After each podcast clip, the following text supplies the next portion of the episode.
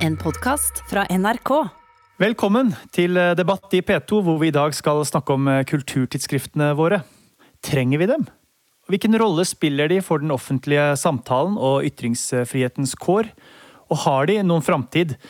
I en tid hvor konsentrasjonen vår blir dårligere og dårligere, samtidig som viljen til å diskutere med de vi er uenige med, synes å bli svakere og svakere. Denne samtalen holdes i regi av Tekstallianse og den nyetablerte Tekstallmenningen, som lanseres i dag. Egentlig skulle vi vært samla på Litteraturhuset i Bergen akkurat nå, men pga. smittevernsrestriksjoner så sitter vi spredt rundt om på Øst- og Vestlandet og skal gjøre så godt vi kan med de forutsetningene foran hver vår laptop. Og vi som skal diskutere spørsmålene, er et knallsterkt panel. Og det er deg, Charlotte Mybråten, velkommen. Tusen takk for det. Charlotte er programansvarlig på Bergen offentlige bibliotek, og har også vært eh, redaktør i tidsskriftet Fett. Det er kjempefint eh, å ha deg med. Og det er fint å ha med deg også, Sheila Feruzi Kasim. Velkommen. Hei. Sheila, du er da styremedlem i Tekstalmenningen og leder i Woma Projects, som i 2021 lanserer et nytt tidsskrift som ønsker å engasjere og heve kompetansen til minoritetsnorske skribenter. Og velkommen skal du være, Christian Kjelstrup. Hallo! Hei på deg. Christian er da redaktør i Samtiden, som eh, går for å være Norges største og eldste allmennkulturelle tidsskrift. Eh, og du er også styremedlem i Norsk eh, Tidsskriftsforening. Fint å ha dere her, alle sammen. Eh, mitt navn er Arne Borge, og før jeg ble kulturredaktør i Vårt Land, så hadde jeg også min sjau med gratisarbeid i tidsskriftsredaksjoner. Først og fremst eh, Vagant, eh, og helt tilbake til min far lagde Landsutvalget for jernbane, som jeg slikka frimerker på da jeg var seks år gammel. Yes! 2021 er oksens år i Kina. Men i Norge så skal det altså være kulturtidsskriftenes år, om vi skal tro Tekstalmenningen, som er da denne nyetablerte tidsskrifts- og småforlagssentralen som vi skal fortelle litt mer om etterpå. Så da aller først, Kristian Christian Kjelstrup, vil jeg spørre deg, du som da er redaktør for vårt eldste allmennkulturelle tidsskrift, kan du si hva et allmennkulturelt tidsskrift er? Det kan jeg, vet du. Eh, selv om det er jo egentlig litt sånn knusktørr, eh, et knusktørt begrep. Det er ikke sånn at eh, tidsskrift går rundt og kaller seg allmennkulturelle hele tiden. Men det, det kommer vel fra Kulturrådets egen definisjon. Når de tildeler støtte til tidsskrifter, så må de ha en viss avgrensning. Da. Og dette allmennkulturelle går på at, skal, at, tidsskriftene skal henvende seg til en offentlighet som er bredere enn fagtidsskriftene. Og eh, det handler jo om kultur i en eh, litt annen forstand enn kunst- og kulturbegrepet, men rett og slett eh, kultur som samfunn. da, ikke sant? At f.eks. fotballtidsskrift som Josimar, som plasserer fotballen inn i en større sammenheng, er et kulturtidsskrift. Det er det som ligger i det, i det begrepet. I virkeligheten, som sagt, så, så tror jeg verken tidsskriftlesere eller redaktører bruker akkurat det begrepet så mye. Da skal, jeg, da skal, jeg, prøve å unngå å bruke det. Det står mange steder i manuset mitt allmennkulturelt tidsskrift, men da skal jeg prøve å avgrense til tidsskrift eh, heretter. Eh, Charlotte, du har jo også da vært redaktør for det vi må kunne kalle da et allmennkulturelt tidsskrift. Eh, Fett, er du enig i Christians beskrivelse av tidsskriftet her? Ja, jeg syns absolutt det hørtes veldig smart ut. I Fett var det også i tillegg en sånn veldig aktivistisk del av det, nettopp fordi det var et feministisk tidsskrift. Yes. Uh, Sheila Kasim, du er jo da, uh, altså Christian uh, representerer jo da Norges eldste allmennkulturelle tidsskrift. Du som nå skal lansere et tidsskrift i 2021, vil jo da representere Norges yngste, hvis alt går etter planen. Syns du denne beskrivelsen av hva et tidsskrift er, passer for deg? Og hvorfor i all verden skal du gi ut et tidsskrift i 2021?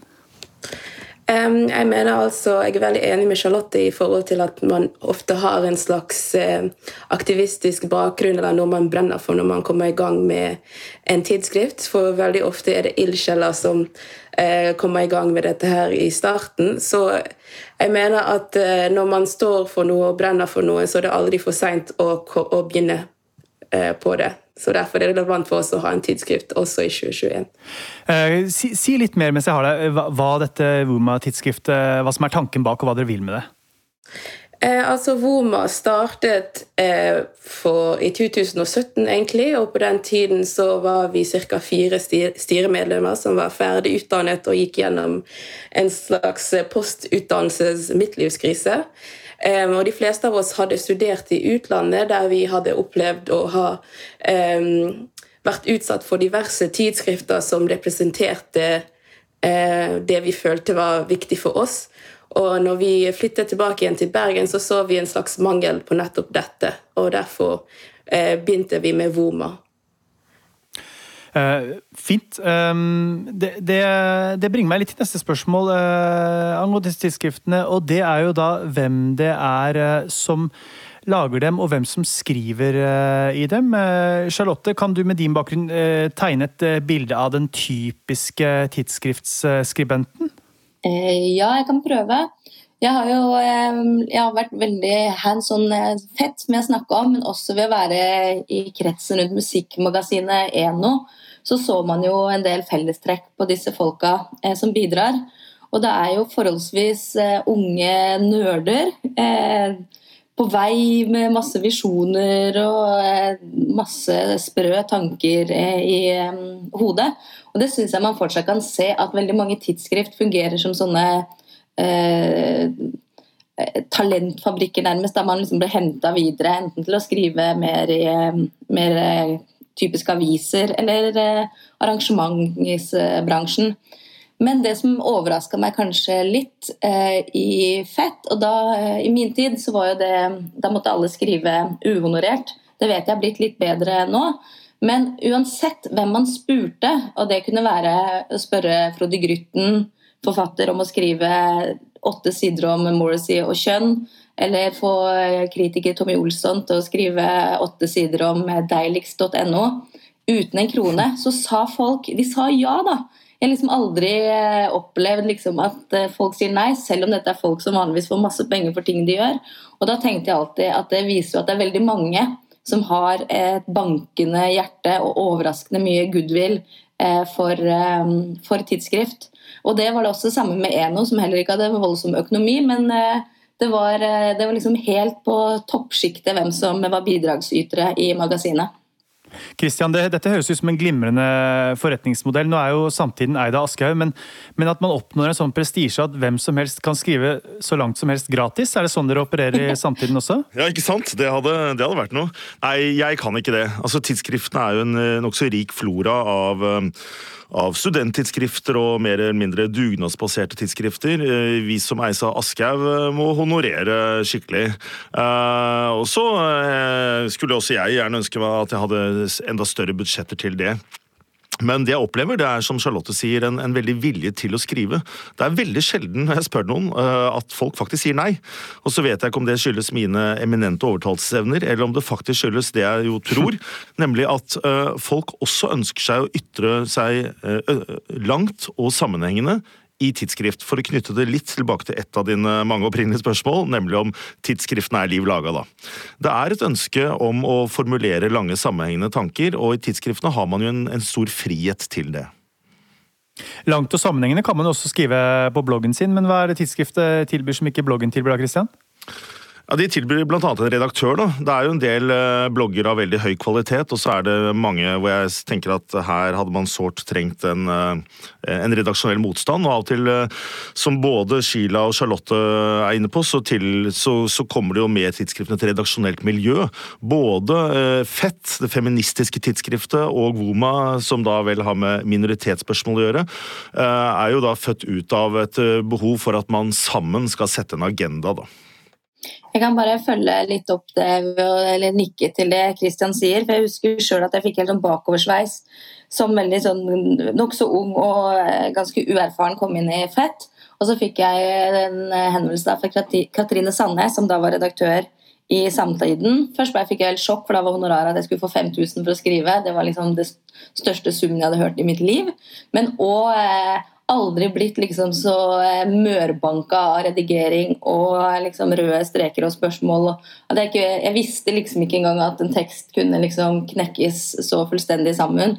Og som resulterte av den teksten er fortsatt noe av det jeg er mest stolt av. Eller takket være hennes eh, banking, og at det hjalp meg også til å ja, det, det, er det som er redigering. Eh, så det var eh, akkurat den opplevelsen jeg var eh, det, sjelsettende.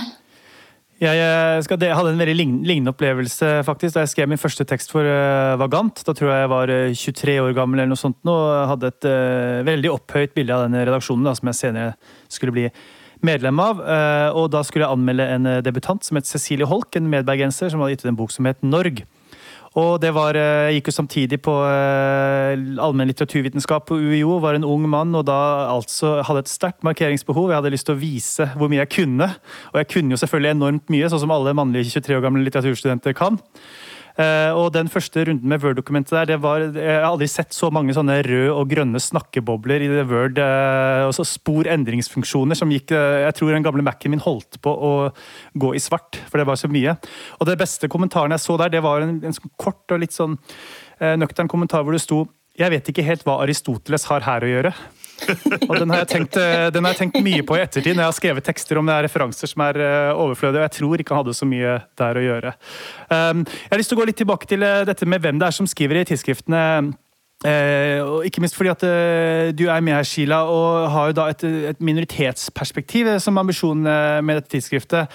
Eh, og da, eh, Du skal få lov å kommentere etterpå, men først spørre deg, Christian. Hvordan, hvordan, eh, hvordan jobber dere med representasjon og bredde i tidsskriftstilfanget? For jeg, jeg, vil jo anta at det er mange, sånne, mange unge hvite menn med markeringsbehov, sånne som meg, som skriver i dem?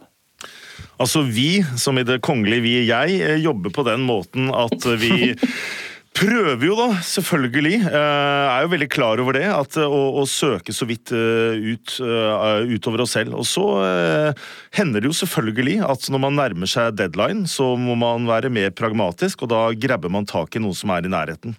Derfor er jeg veldig positiv til at tidsskriftet som Wuma kommer opp. altså Noe som virkelig har karakterisert offentligheten de siste årene, det er at det er en, en ny generasjon med minoritetsstemmer som har meldt seg på i debatten. Men fortsatt så er det en utfordring å finne frem til dem. Eh, jeg kjenner ikke nok. Jeg prøver, eh, jeg prøver hele tiden. Eh, Sheila, har du lyst til å si noe om det? Hvordan, hvordan din opplevelse er av representasjon og mangfold i, altså i tidsskriftsfloraen spesielt, men også kanskje kulturlivet generelt? Um, jeg vil si at uh, det er også en stor utfordring selv for oss som jobber uh, målrettet mot dette.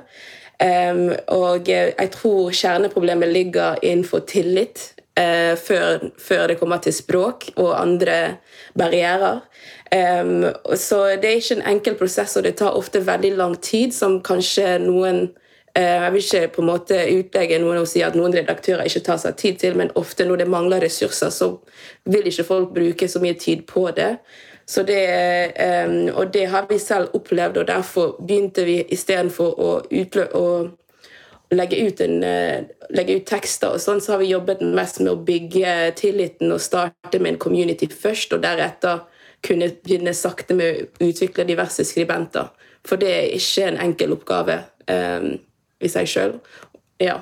Hvordan, hvordan, hvordan, kan du si litt mer kjapt hvordan dere jobber eh, med Hvordan utvikler man nye tidsskriftskribenter? Vi begynte først med å ha kulturelle samlinger der uh, vi på en måte gikk rundt på arrangementer. så det var bare, liksom begynte veldig lett med Vi skal på dette arrangementet, og vi vil gjerne diskutere uh, innholdet på arrangementet og introdusere artister med flere kulturell bakgrunn. Og så begynte en diskusjon angående det kulturfeltet. Og da inviterte vi unge og unge voksne mellom 18 til 35 som var fra ulike yrkesgrupper. Noen var jo studenter, andre var eh, snekkere osv. Og, så og det var veldig jeg lærte veldig mye gjennom den prosessen og så at det er veldig mange som har mye på hjertet og ønsker å delta i debatten, men kanskje verktøyene er ikke der. Så det, det var sånn vi begynte. Og så til slutt den samme gruppen utviklet seg til et skriverom som vi jobber fortsatt med nå. Kristian? Altså, Jeg sitter jo eh, i styret til denne tidsskriftforeningen som du nevnte innledningsvis. Og vi får jo en, eh, med jevne mellomrom eh, søknader fra folk som vil etablere tidsskrift. Jeg vil jo si her, da, på vegne av foreningen, at dette her høres jo veldig lovende ut. Det er ikke så mange som går så grundig verks til at de har kulturelle samlinger. Det, det har ikke jeg heller. Så det, dette er jo spennende. Og så tenker jeg at eh, akkurat det vi snakker om nå, er eh, en av våre tids, eh, eller sånn moderne tids likestillingskamper. Men liksom, det der med bare for fem år siden, det å bare la bare hvite unge menn skrive i et blad det var liksom helt greit. Nå slipper man på en måte ikke unna med det. Nå blir det liksom tvitra om, det blir liksom stått til rette. Så liksom den mangfoldstanken den kommer stadig stadig liksom mer inn i ryggmargen til flere og flere, og det er jo veldig, veldig bra. Man ser veldig dust ut hvis man ikke tenker på det lenger.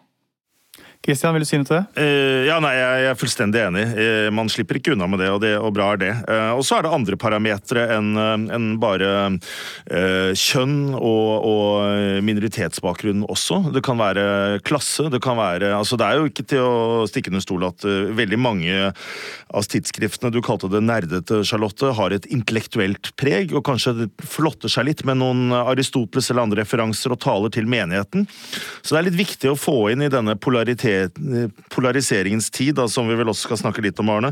Å og, få inn eh, stemmer som, eh, som, faktisk kanskje ikke føler seg representert innenfor noen av disse intellektuelle feltene, ikke sant. Jeg hadde en fin opplevelse som tidsskriftredaktør for en stund siden, hvor jeg lagde et temanummer om nettopp polarisering. og Da var det en fyr som het Øyvind, som meldte seg på Facebook.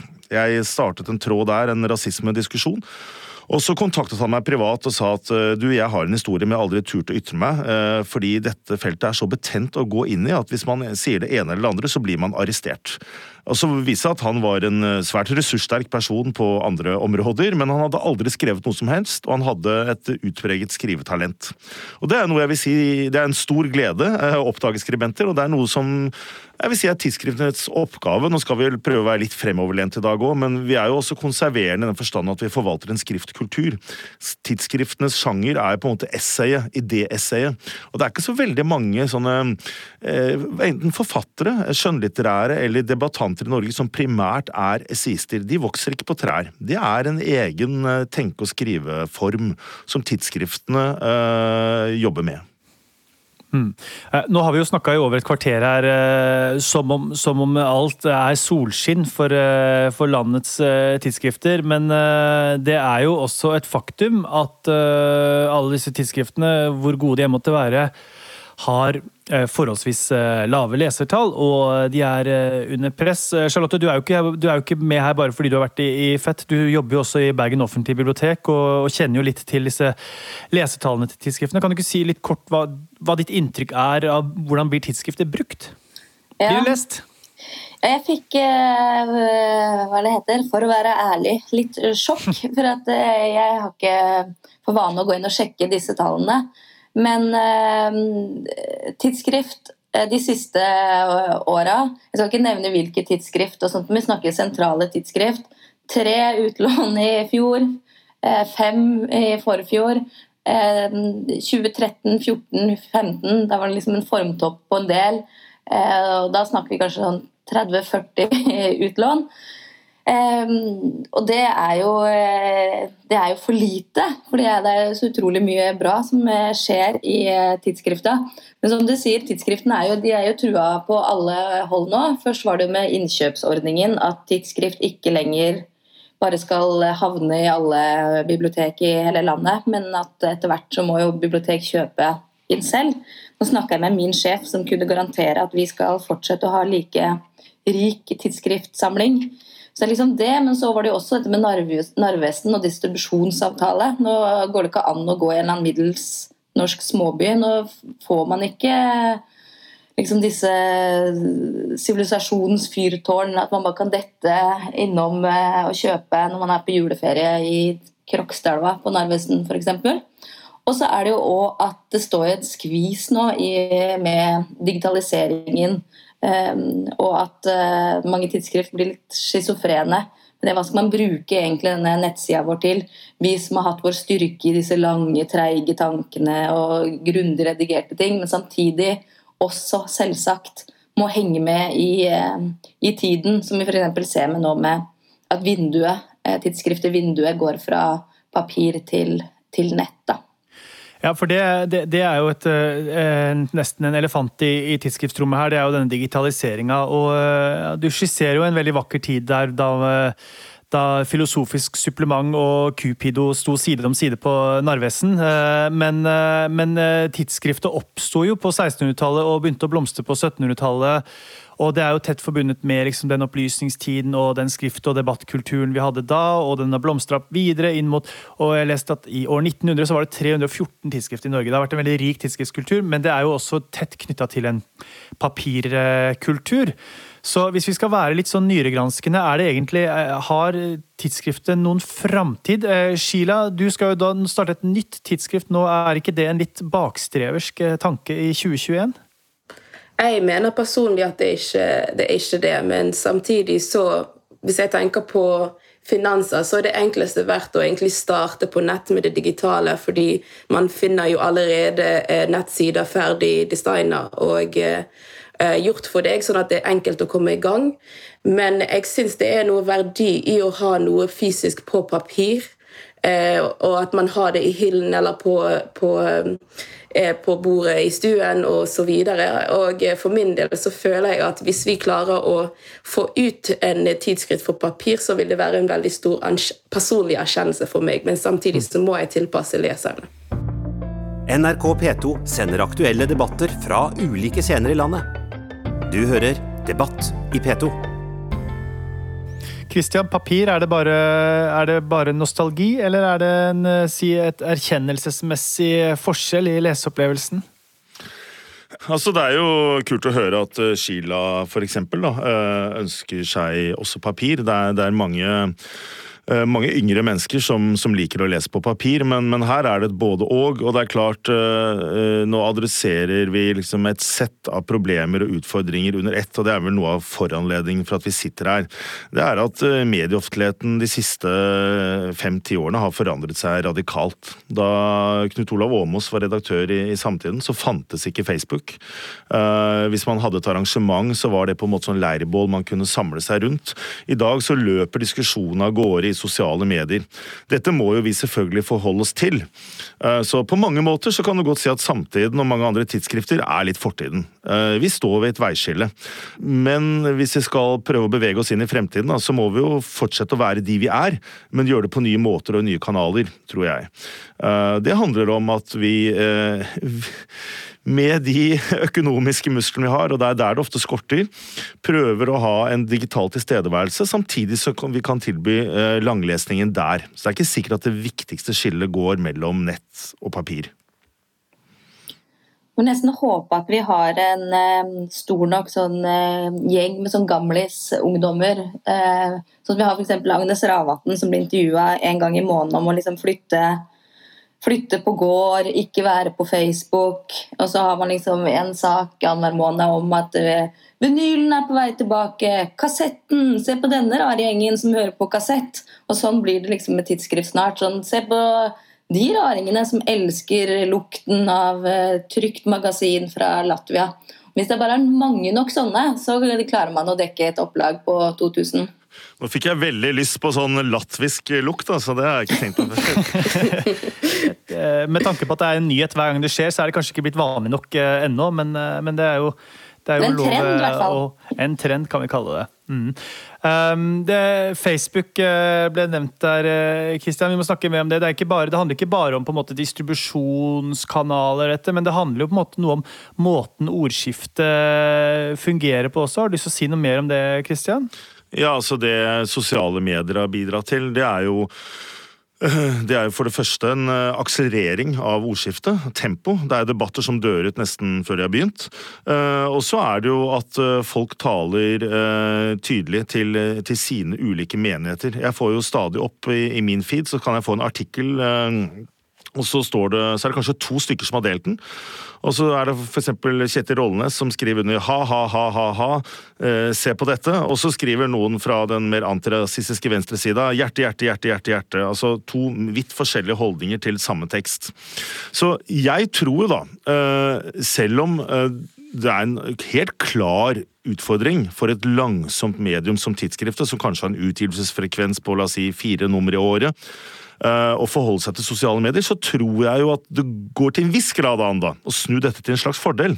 For du nevnte innledningsvis uh, Hva var det du sa? Du sa noe med at uh, har tidsskriften en fremtid i en tid hvor vi ikke kan snakke ordentlig sammen, og hvor konsentrasjonen er i oppløsning? Ja, da er det jo liksom tidsskriftenes forse, da, nettopp at man kan forsøke å binde sammen både å forene stemmer fra ulike steder, og la dem snakke litt ut. Eh, jeg tror det er flere enn meg som alltid blir litt slitne av de sosiale mediediskusjonene. De er kommet for å bli de sosiale mediene, men det er ikke sikkert det er alle som holder ut på Facebook i ti år til. Sheila, eh, jeg vet at du også er opptatt av dette ytringsfrihetsperspektivet. Vi har snakket om dette i forbindelse med grupper på Facebook eh, og, og sånne type ting. Hva, hva, hva, tenker du om, om det her? Um, jeg mener at det kanskje er også en fordel innenfor det med sosiale medier at vi kan Fordelen med et eh, tidsskrift er at man kan sette seg tilbake og observere litt først, før man kommer i gang med å um, skrive en sak. Um, for det, det, gjør at man må være mer grundig og se på uh, en sak på forskjellige kanter. Og jeg mener at um, det, ja, ting går jo veldig fort. Samtidig det positive med tidsskrift at ting skal gå litt langsomt. I alle fall når de kommer ut ganske få ganger i året. Så fra min side så syns jeg det er veldig fascinerende å se grupper som blir til, og kunne være den personen som trekker alle trådene i uh, hver diskusjon. Professor, litteraturprofessor Vassenden her i Bergen han har uh, sagt et veldig sånn fint russekortaktig uh, motto om tidsskrift. Og det er, som jeg synes er passende, det er de er små og trege, men de har kraft til å prege.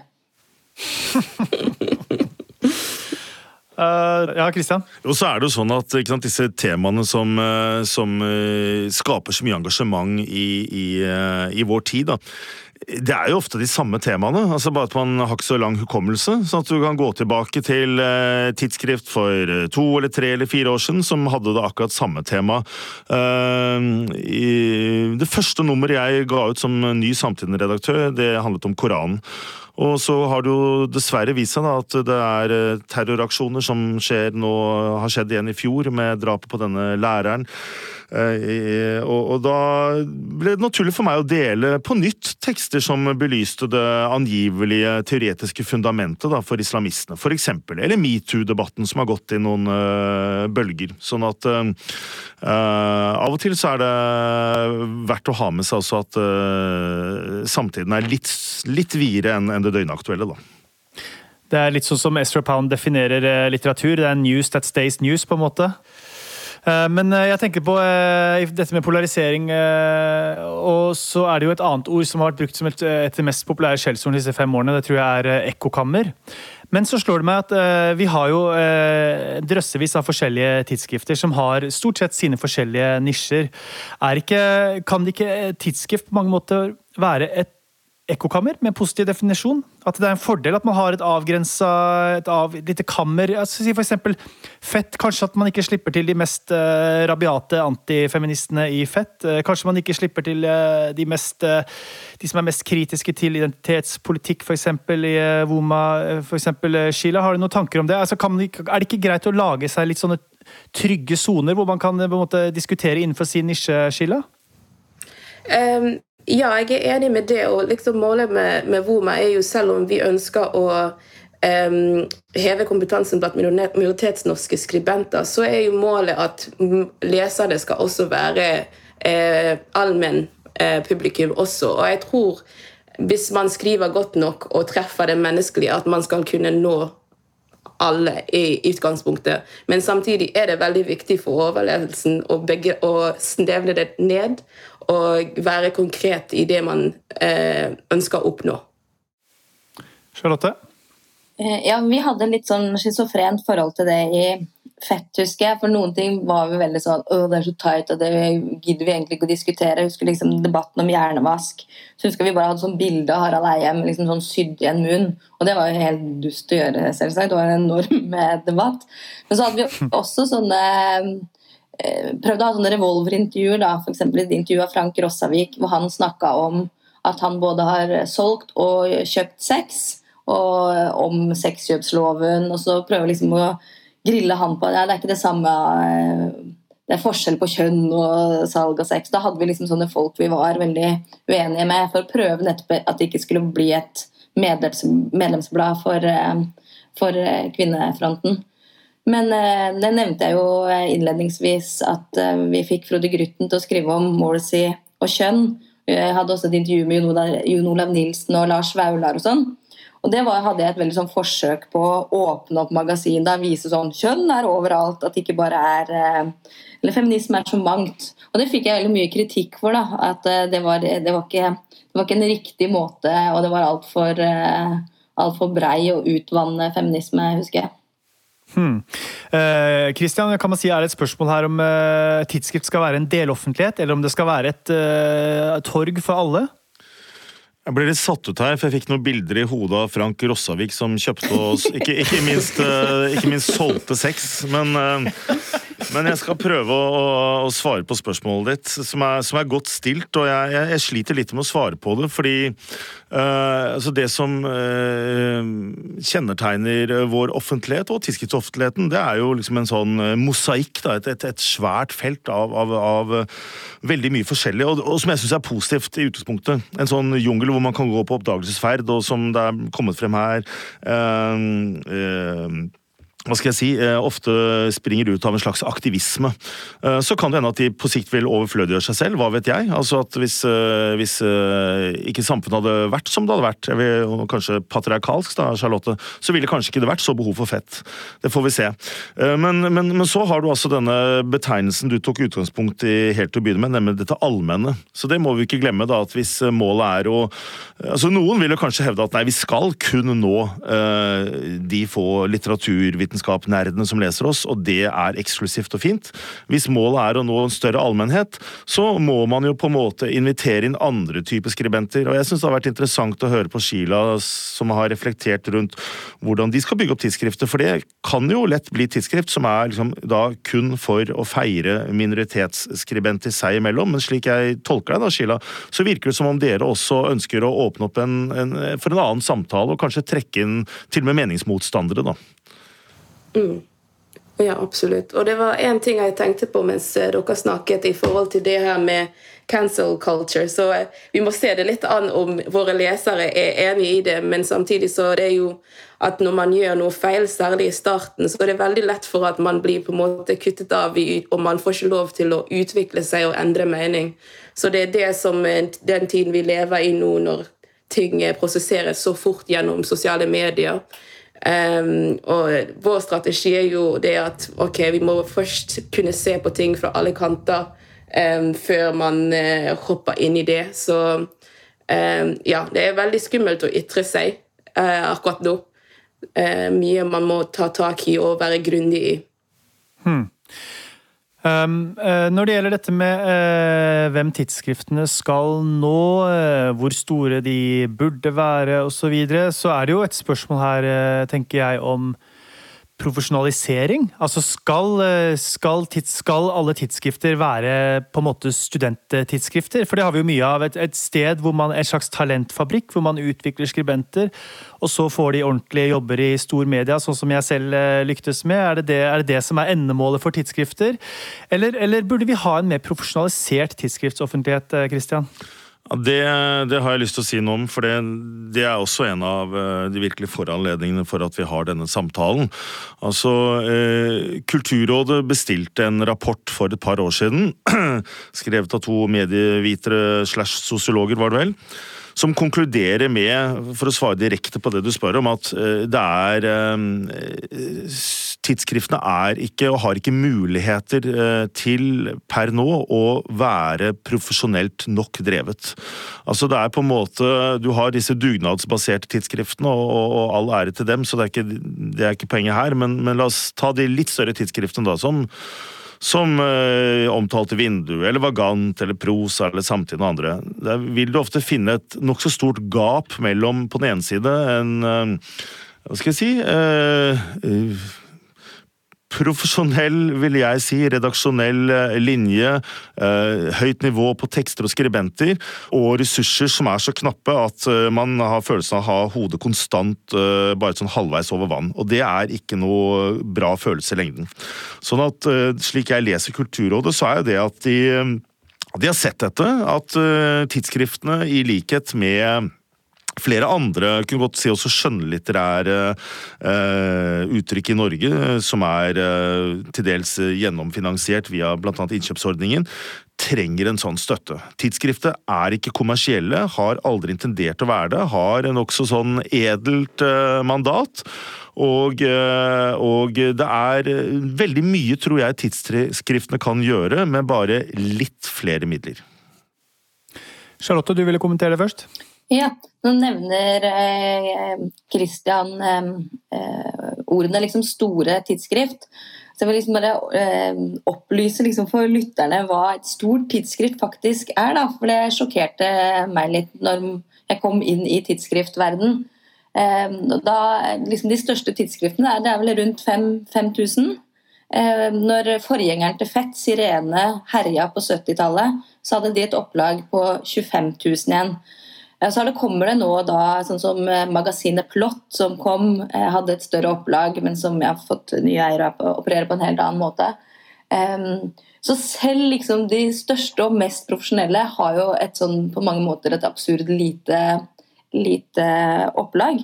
Og så, eh, Nå tenkte jeg liksom skulle prøve å være litt sånn kontrær og sur og gammel. da. Eh, kan på en måte liksom et tidsskrift med et opplag på 1800 ha en fulltidsredaktør som tjener 550 000 kroner i året for å liksom please disse, disse 1800 leserne? Eller er liksom tidsskrift litt per deff en sånn ikke er det jobb, ikke er det hobby, men en slags sånn jobby som gjør at du kan være redaktør og vie mye av tiden til tidsskriftet. Men det krever litt at du må være litt out and about, skrive en sak på Aftenposten, være med i en debatt på Litteraturhuset. At det er liksom en sånn jobb som skal være litt sånn uh, i flytsonen, og som man kanskje ikke er i i 20 år, liksom. Jeg bare spør, jeg, for å si det ja, sånn. Nei, godt, uh, godt spør. Jeg vet ikke, Sheila, du hadde lyst til å kommentere, jeg vet ikke om du har lyst til å svare på akkurat det, men Um, ja, akkurat det har jeg ikke svar på, men bare, det, er jo store konsekvenser ved dette. At nye talenter blir jo oversett, og eh, at det blir vanskelig å prioritere skrivejobben når det er så lite eh, kontinuitet og, og, eh, trygghet i en slik jobb. Om det er mye frilansarbeid, mye ekstra tid som går ut på det, som gjør det også vanskelig å investere eh, tid til å gjøre det, med mindre man er utrolig lidenskapelig eh, til det. Så jeg håper det blir en endring. Ja. Kristian, eh, hadde du lyst til å kommentere Charlottes forsøk på å gjøre deg arbeidsledig der, eller var det noe? Uh, ja, det kan jeg godt. Altså um det er, så, det er, så, mye vi snakker om uh, på en gang, da. Og det er klart at uh, en av de tingene vi snakker om, det er at uh, tidsskriftene, i likhet med mange andre si, sjangre innenfor medieverden og litterærverden, er sånn, befinner seg nå ved en slags sånn skillevei. Og da må man jo spørre seg skal vi fortsette å holde på hvis det er så få abonnenter, eller vi må jobbe på dugnad, eller vi ikke når ut til så mange som, som vi kan. Um, men jeg jeg tror at så lenge det er behov uh, i samfunnet for en eller annen form for dybderefleksjon, uh, så har tidsskriften en misjon. Og, og, det vil jeg si det er i vår tid hoppsi mer enn en noen gang før. Sånn sett kan du si at tidsskriftene kanskje er mer i slekt med Morgenbladet og Klassekampen enn en de avisene er med en del andre aktører innenfor avisverden. Vi hadde Dagens Næringsliv for noen år siden, som hadde to år på rad eh, litteraturkritikere eh, som eh, ble kåret til årets kritiker. Ane Farseth og Bjørn Gabrielsen, meget gode kritikere. Uh, likevel, for et par år siden så flagget Dagens Næringsliv at de måtte kutte ut litteraturkritikken uh, fullstendig. For den selvfølgelig heller ikke ble lest og klikket på så mye. Og etter et visst press så snudde de. Men jeg sier det fordi hva kan uh, tidsskriftene gjøre her? Jo, tidsskriftene jo, kan jo tillate seg plutselig anmelde et helt forfatterskap, eller en hel bokhøst, eller alle lyrikkdebutanter, eller noe sånt. sånn at det paradoksale her er at tidsskriftene har en, en, en stor frihet frihet, som er egentlig vår forse. Og så prøver vi liksom å bli litt likere nettaviser og andre man skal klikke på, uh, fordi vi ikke har tryggheten. Men vi må liksom ha Hvis vi klarer, da. Hvis vi, hvis vi skal sitte her om fem år og si hvordan det har gått, da. Hvis vi klarer å få en infrastruktur rundt oss Eh, så tror jeg nettopp forsen vår vil være at vi, vi tviler litt på våre særheter. Bare si helt til slutt, Arne. altså jeg skrev i Morgenbladet på begynnelsen av 90-tallet. Da hadde ikke Morgenbladet flere lesere knapt enn Samtiden. Nå er Morgenbladet profesjonalisert. Eh, de har meg bekjent et par-tre stykker, antar jeg, som jobber med abonnementshåndtering, sender push-varsler. altså eh, det er på en måte Det er ikke noe du kan drive på med innimellom alt annet. Sånn at eh, tidsskriftene, enten det kommer fra Kulturrådet eller andre steder, trenger liksom et minimum av støtteapparat, så skal du se at de har noe å melde. Og så Selv om kanskje ikke så mange, eller noen tidsskrift ikke har så mange abonnenter, så er det jo også likevel ofte premissleverandører i den videre offentligheten Eh, gjennom eh, Klassekampen og Morgenbladet og andre eh, aviser. og det er nesten sånn jeg syns, som har vært en sånn kjepphest, at jeg syns nesten en del andre aviser nesten driver sånn rovdrift på tidsskrift. fordi at når tidsskrift kommer med nytt nummer, så vil jo de gjerne vise seg fram, og at folk skal få det med seg, og de vil starte en debatt ut eh, fra temaene. Så ofte ser man jo sånn utdrag fra tekster som dobbeltside, liksom Klassekampen eller Morgenbladet, som har hatt denne tidsskriftsportalen. Men dette her har jo vært, eh, dette har jo bare vært eh, gratisarbeid for tidsskriftene. De har ikke fått noe penger for å vise seg fram. i det hele tatt. De må liksom bare selge indrefileten gratis. Så Det har jo liksom vært liksom sånn eh, kjip dobbeltsidighet der. Og en annen ting med tidsskrift eh, og forholdet til media, er jo at eh, det er blitt mye mindre omtale om tidsskrift eh, og anmeldelser og notiser de siste, liksom, bare, de siste åra. Liksom, eh, ja, det har blitt mindre. At det, ja, det er liksom angrep fra alle, alle kanter. Men likevel så er jo liksom alle helt enige om at uh, sivilisasjon, demokrati, offentligheten det er dritbra med tidsskrift, men samtidig så settes liksom ikke støtet i noe som helst sted. Nei. Når du sitter med, med, deadline klokka to, så er det ikke alltid sivilisasjonen og demokratiet som står øverst på dagsordenen. Men eh, Christian, hva var det du ville kommentere? Nei, altså Charlotte har helt rett. Altså, men altså, kulturjournalistikken generelt siste årene har blitt strammet inn. Det er færre anmeldelser av alle bøkene også. Jeg tror samtiden knapt har blitt anmeldt i min redaktørperiode.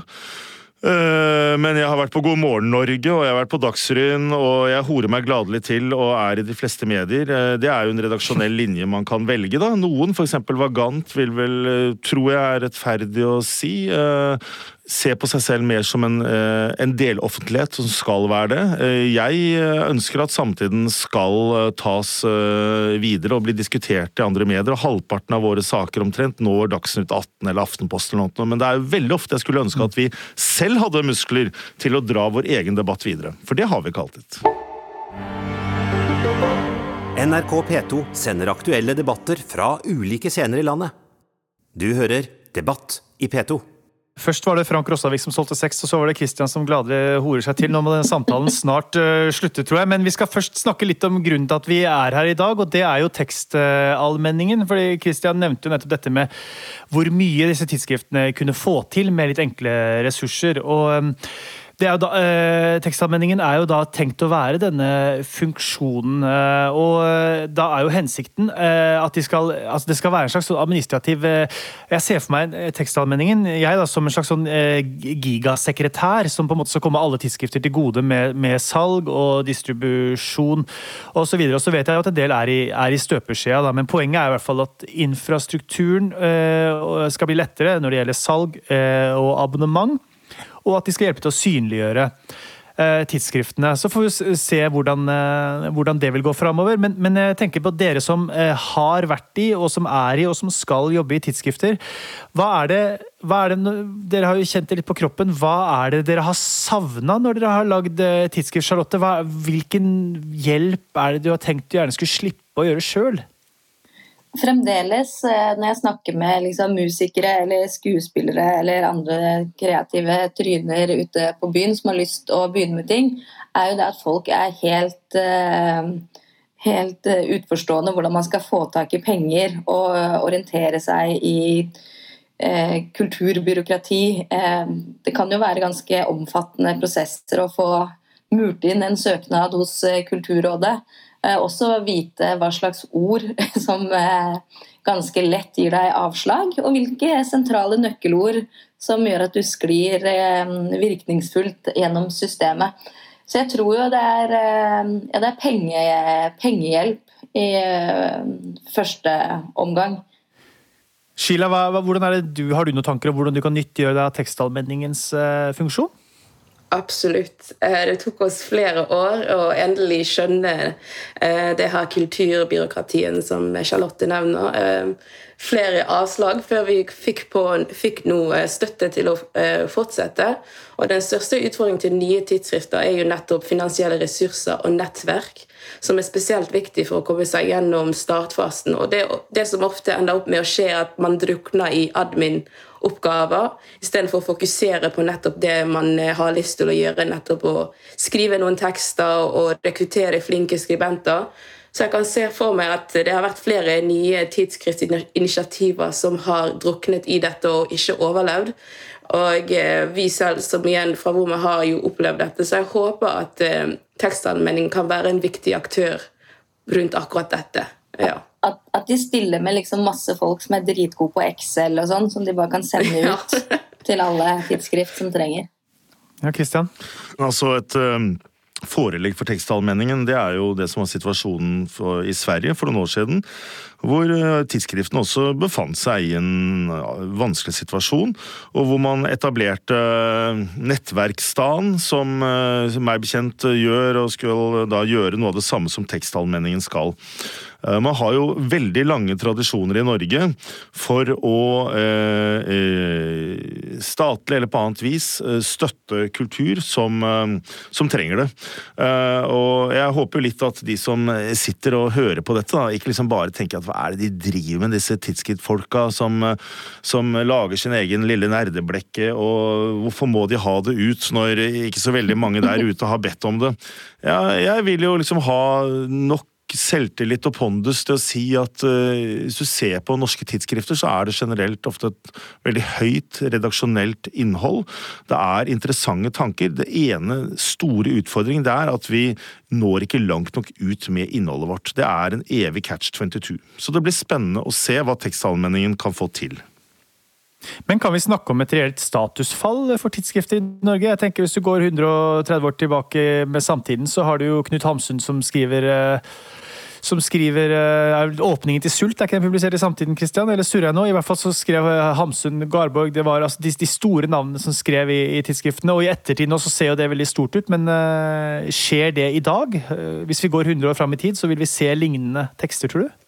Du er, på, du er på, sporet. altså um, Hamsun debuterte jo uh, som romanforfatter uh, med 'Sult' i 1890, og samme år så skrev han fra Amerikas åndsliv, en teoriartikkel i, eh, i Samtiden, eh, som også eh, ble til i 1890.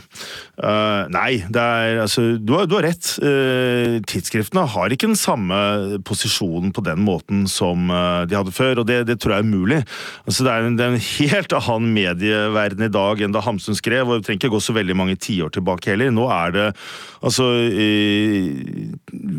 Vi konkurrerer jo på en måte med ikke bare andre norske publikasjoner, men med internett og alt det har å tilby av eh, blogger eller utenlandske tidsskrifter, eller for den saks skyld med Netflix.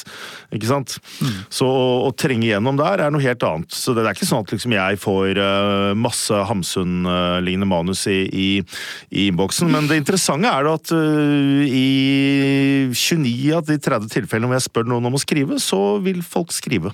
Det vil de. Mm. Altså jeg tenker Før så sa de jo at uh, stortingsrepresentanter leste, leste, vinduet på Stortinget, og nå sitter jo Erna Solberg og spiller Candy Crush, så det er en litt annen uh, tid. Charlotte, hva var det du ville si for noe? Kristian kom litt eh, inn på det med at det er så mye å konkurrere mot. For jeg tror egentlig ikke at det er sånn statusfall i tidsskriftene. Kanskje snarere tvert imot. Hvis du klarer liksom være en sånn person som går med vagant eh, under armen på gata, så vil folk uh, synes du er både sær eh, og fet. Men det er jo veldig trist at den der med konsentrasjonen vår den er jo helt fucked opp, på en måte. Jeg liksom kan tre inn Ok, nå går jeg opp, nå skal jeg lese en bok, så åpner jeg en bok, og så skal man ta denne lille telefonen bak boken og så sitte og trykke på den mens jeg liksom sitter og later som jeg leser bok. At man, eh, ja, man har eh, Hjernen vår har jo liksom forandra seg sånn konsentrasjonsmessig. Og da er det noen som spesialiserer seg på lange tanker og konsentrasjon, de er i hardt uh, vær, da. Men uh, jeg tror vi ser liksom en sånn endring, da, for nå har vi liksom, mange ser hvor langt og hvor gærent det har gått. Så hvis man bare klarer å liksom surfe på den den bølgen der, så tror jeg også at tidsskriftene kan eh, få en, en eh, ny vår eh, og bli enda mer synlige og aktuelle og verdsatt. Jeg leser Samtiden bak boken, jeg. Men jeg kan si da, altså, da, da jeg var student da, på, på 90-tallet, så var jo liksom, Samtiden og andre tidsskrifter Vinduet Eh, var liksom noen sånne søyler da, som man kunne ta for gitt at alle studenter leste og forholdt seg til. Slik er det ikke. Eh, det er et generasjonsspørsmål. Det er, det er ikke til å stikke under stol. Altså jeg, hvis jeg henvender meg til en 50- eh, eller 60-åring i dag, så kan jeg uttale samtiden og forvente at vedkommende på en måte er en del kanskje av den auraen, eller omtaler det med en viss aura. Når jeg henvender meg til en 20 år gammel student, som det av og til hender at jeg prøver å gjøre, så, så, sier jeg liksom ja, jeg, jeg, antar at du kanskje ikke vet hva samtiden er, men det er altså prikk, prikk, prikk. Så eh, for meg ville det vært interessant, veldig interessant å høre hva du, Sheila, tenker om hvordan eh, tidsskriftformatet kan overleve og nå ut til, til den yngre generasjonen. For det er en reell utfordring. Ja, jeg tenker det som Problemet er jo at man trenger veldig mye ressurser nå for å bli sett. I alle fall et team som er veldig spesielt engasjert innenfor sosiale medier og kan sende disse push-varsler osv. Men, men jeg er veldig spent på å se om vi kan utvikle ulike formater når det gjelder tidsskrifter eh, vi jobber med, og, og skape noe i bunn opp sammen med lesergruppen vi ønsker å ha, og se om kan, vi kan få til noe eh, nytt. Jeg, det fins et uh, tidsskrift i uh, England som heter Guap. Og det er den første videotidsskriften eh, noensinne lagd, og alt er video. Det, det, trodde jeg ikke var mulig, men nå når jeg ser at andre får det til, så kanskje det er en mulighet for oss hvis vi finner folk som ønsker å, å, å, å formidle, formidle saker på den måten. Kan det være at man tenker litt feil i, i sammensetninger av tidsskriftsreaksjoner? At man, at man, fordi nå så samler man jo på, en måte på folk som har på en måte flest mulig unyttige mastergrader fra HF eh, sammen. Så setter man dem i en redaksjon. Men hvor mye kunne ikke ha skjedd hvis du hadde fått inn en eller annen tech-innovasjons-BI-person eh, inn i en sånn gruppe? Hva, hva kunne man fått til da, Christian?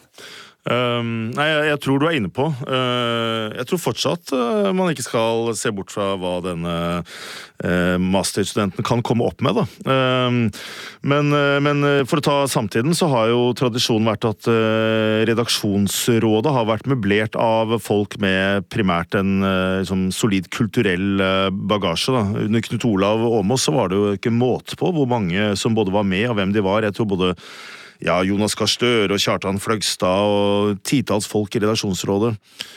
Jeg eh, tenker litt som deg, må jeg innrømme, at eh, de som jeg kanskje trenger i vel så stor grad, det er folk som kan lære meg ting jeg ikke kan. Og det er en ulike netthoder, uten at jeg eh, da vil eh, miste meg sjæl eller samtidens profil. Eh, og jeg er i kontakt med noen mennesker nå som skal hjelpe meg å digitalisere på en helt annen måte enn, enn samtiden gjør i dag. Og som heldigvis også har forståelsen for hva samtiden er. Eh, det er nok eh, den kunnskapen vi er nødt til å få inn, ja. Ja, eh, Charlotte, hadde du noe du ville si eh, om det? Jeg skulle bare egentlig eller jeg skulle bare si at Nå snakker vi veldig mye om at, at, det er sånn smått og sånn. og så tenker jeg på en måte, Det er jo litt greit òg. Tidsskrift er jo litt per definisjon eh, litt smalere. Man skal liksom ha en interesse for å oppsøke det og sånn. Og det må også være liksom greit det mest utlånte magasinet på biblioteket det er kvinner og klær. Og det, det er helt greit at liksom ikke på en måte at vinduet kommer kanskje aldri til å komme der. Som uh, Vassendens kloke ord er, de er små og trege, men de kan prege. Ok, Christian, du kommentere det? Ja, altså, bare til å ta dette med bibliotekstallene dine, da, Charlotte, så er jeg jo Du sa du var sjokkert. Jeg er overhodet ikke sjokkert over at uh, tidsskrifter uh, knapt utlånes. Uh, det har vel noe å gjøre også med Det kan du mer om meg, riktignok, men at når man går til bibliotek, så vil man kanskje, kanskje ta med seg en bok hjem, mens et tidsskrift for mange folk ligner mer på en avis man sitter og blar i, da. Men jeg mener likevel at det er veldig viktig at tidsskriftene er til stede på den ytterste nøgne, for da bor kanskje, hvem vet, en HF-nerden din Darne, som viser seg å bli en eller annen Knausgård. Who knows? Knausgård, som for øvrig var uh, medlem i Vagant-redaksjonen.